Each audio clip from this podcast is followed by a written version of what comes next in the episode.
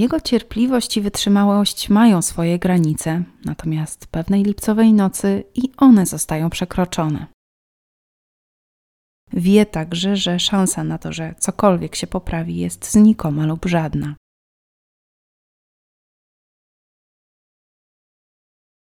Drogie ogniwa, zachęcam do zostawienia polubienia i skomentowania tego odcinka. Raz wolniej, raz szybciej, ale sukcesywnie zbliżamy się do tego, aby nasz krąg liczył 15 tysięcy ogniw. Dlatego też, jeśli chcesz zostać ze mną na dłużej, poświęć kilka sekund na zostawienie obserwacji na Spotify i subskrypcji na YouTube. Dla Ciebie to tylko chwila, dla kanału rozwój, a dla mnie zachęta do tworzenia kolejnych materiałów.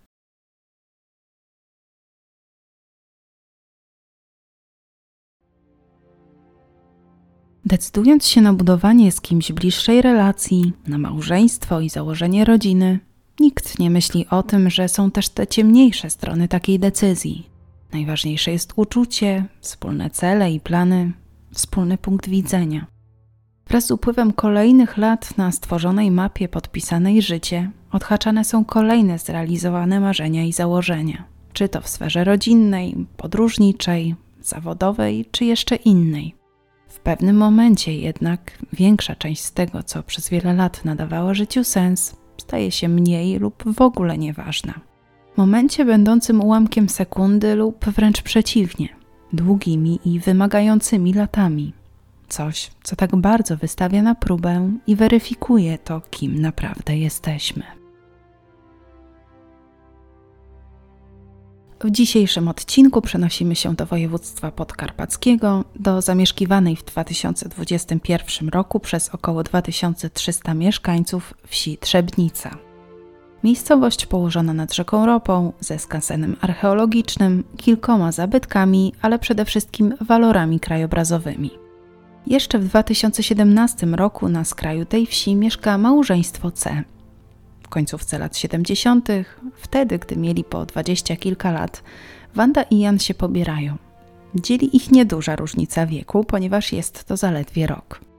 Decydują, że odtąd życiową drogą będą podążać wspólnie, że wspólnie będą sobie radzić z różnymi trudami dnia codziennego. W międzyczasie na świecie pojawiają się ich dzieci, wraz z upływem kolejnych lat także wnuki. Kiedy małżonkowie wchodzą w etap zwany jesienią życia, wydawać by się mogło, że teraz będzie już spokojnie, że znajdą czas na realizację tego, na co zawsze im go brakowało, czy to w kwestii zainteresowań, podróży, czy zacieśniania relacji rodzinnych, to jest coś, co im to jeśli nie utrudnia, to na pewno uniemożliwia mianowicie choroba.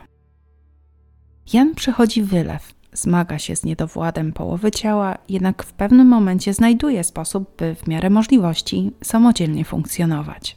Wanda z kolei, poza innymi chorobami, cierpi również na chorobę Parkinsona. Objawów tej choroby może być naprawdę wiele i wiele z nich kobietę dotyka. Od obniżenia nastroju, lęku i zaburzeń pamięci, po zaburzenia snu, aż wreszcie utratę możliwości poruszania się. Co prawda w innej części, ale w tym samym domu wraz z małżonkami mieszka ich syn. Mężczyzna stara się pomagać w obowiązkach domowych na tyle, na ile jest to możliwe. Ma on jednak swoje zobowiązania, do których zalicza się także praca. W tamtym czasie również na nocną zmianę. To powoduje, że nie jest w stanie zajmować się dwójką schorowanych rodziców całą dobę, a stan zdrowia Wandy niestety tego wówczas wymaga. Obowiązek opieki polegającej na karmieniu, pielęgnacji i poświęcaniu uwagi w zasadzie przez całą dobę przejmuje więc jej mąż, Jan. Choroba ma bardzo zmienić zachowanie kobiety, jak i ją samą. W tym czasie jej stan uniemożliwia normalną rozmowę.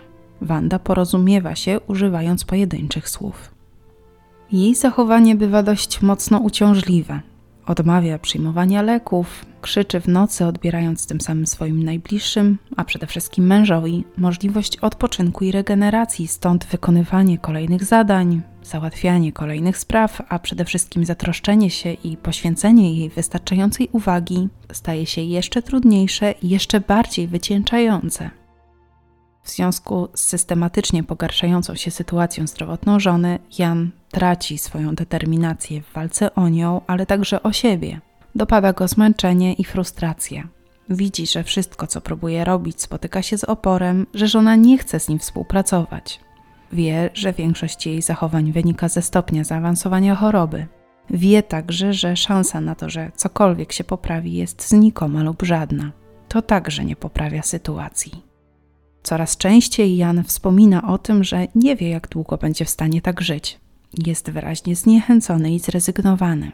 On również zmaga się z różnymi problemami zdrowotnymi, na zajęciem się których, nawet gdyby chciał, w ówczesnej sytuacji nie ma wystarczającej przestrzeni.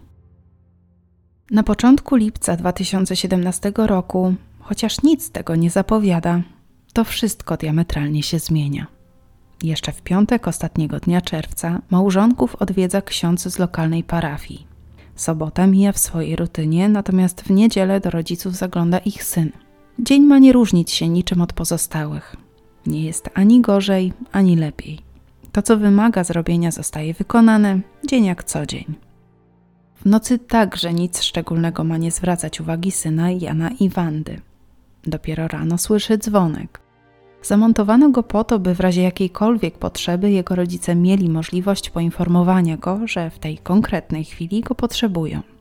Po usłyszeniu tego charakterystycznego dźwięku, mężczyzna wychodzi z części domu, w której wraz ze swoją rodziną mieszka.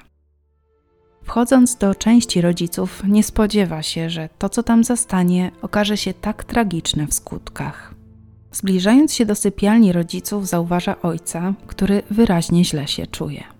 Bardzo szybko okazuje się, że ma on rany w okolicach klatki piersiowej i brzucha. W międzyczasie Jan wskazuje synowi na łóżko, na którym nadal leży Wanda. Podchodząc bliżej, syn zauważa to, że jego mama niestety nie żyje. Mężczyzna wzywa na miejsce odpowiednie służby, pojawiają się tam funkcjonariusze policji, ale także ratownicy medyczni. Janowi zostaje udzielona pomoc, po czym zostaje przewieziony do szpitala. Jest to czas, w którym nie do końca wiadomo, co się właściwie stało. Syn małżeństwa C miał zakładać, że mama odeszła z przyczyn naturalnych, natomiast stan ojca może być efektem tego, że nie mógł poradzić sobie ze stratą. Mundurowi natomiast nie wykluczali wówczas innych scenariuszy, w tym także napadu w celu dokonania kradzieży. I chociaż nie wiadomo wówczas, kto jest odpowiedzialny za tą tragedię, to żadna z ich wstępnych hipotez się nie potwierdza. Jan i Wanda mieli być spokojnymi starszymi ludźmi, bez wrogów i niebezpiecznych ludzi wokół. Wraz z upływem kolejnych minut, wersja opisująca to, co mogło wydarzyć się tej nocy, staje się coraz bardziej prawdopodobna. Okazuje się bowiem, że Wanda nie odeszła z przyczyn naturalnych, a stała się ofiarą przestępstwa. Funkcjonariusze wykonują swoje czynności, przesłuchują świadków, w tym także syna Wandy i Jana. Mężczyzna stwierdza, że tej tragicznej w skutkach nocy nie zauważył niczego niepokojącego.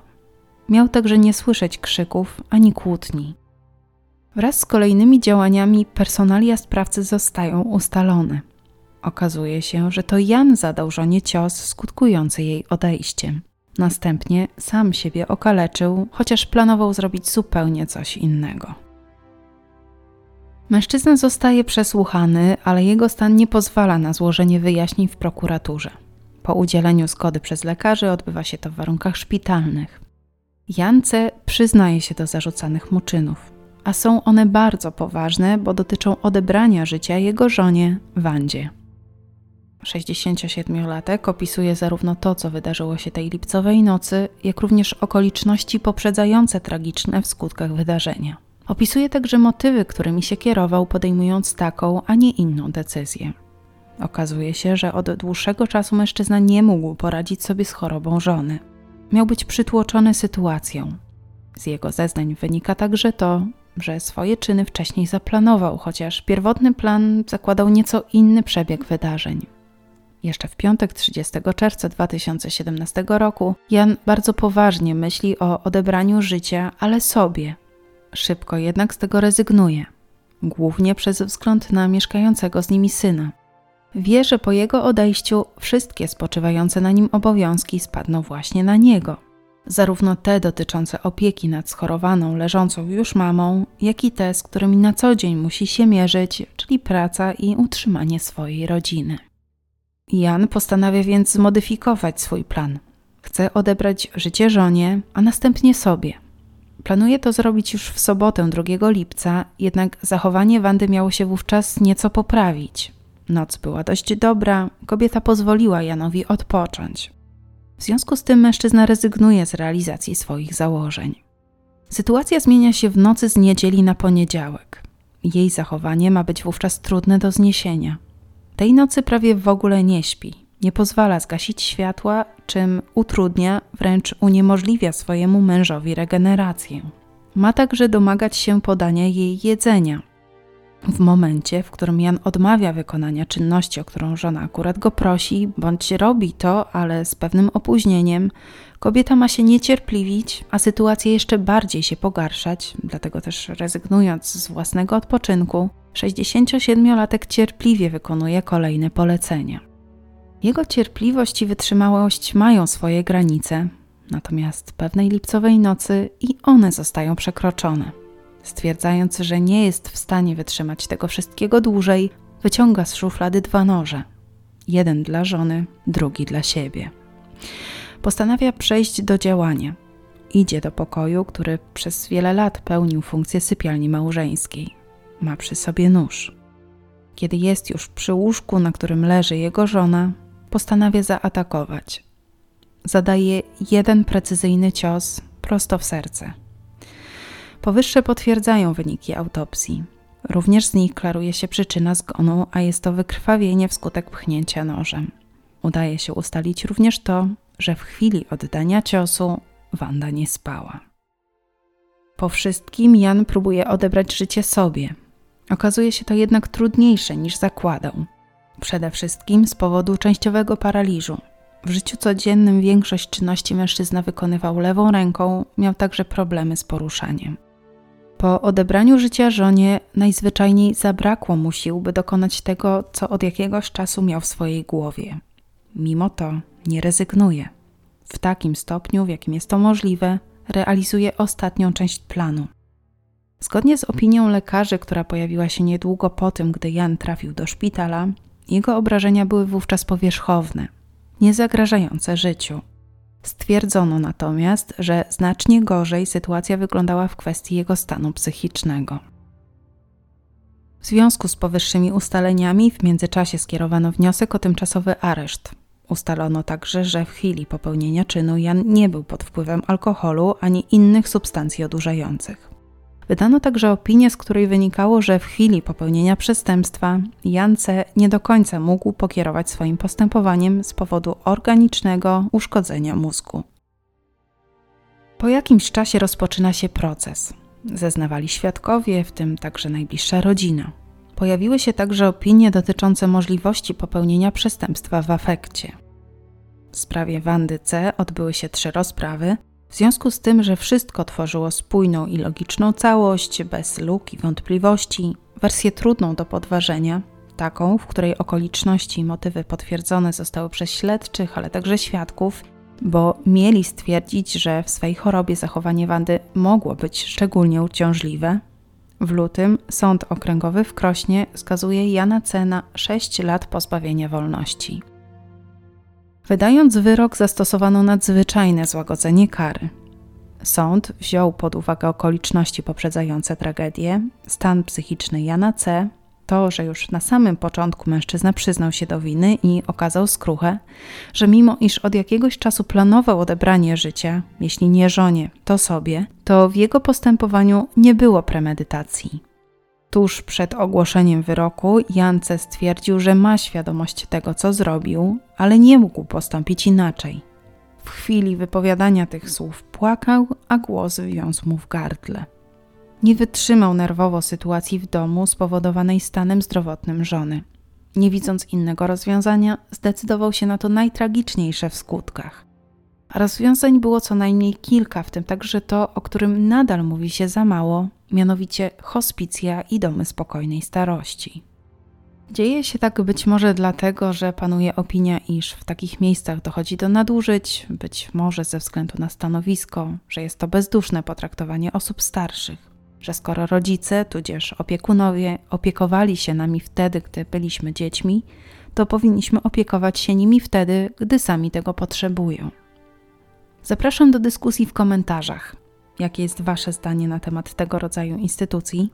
Zdecydowalibyście się na takie rozwiązanie w kontekście swoich bliskich, czy wręcz przeciwnie?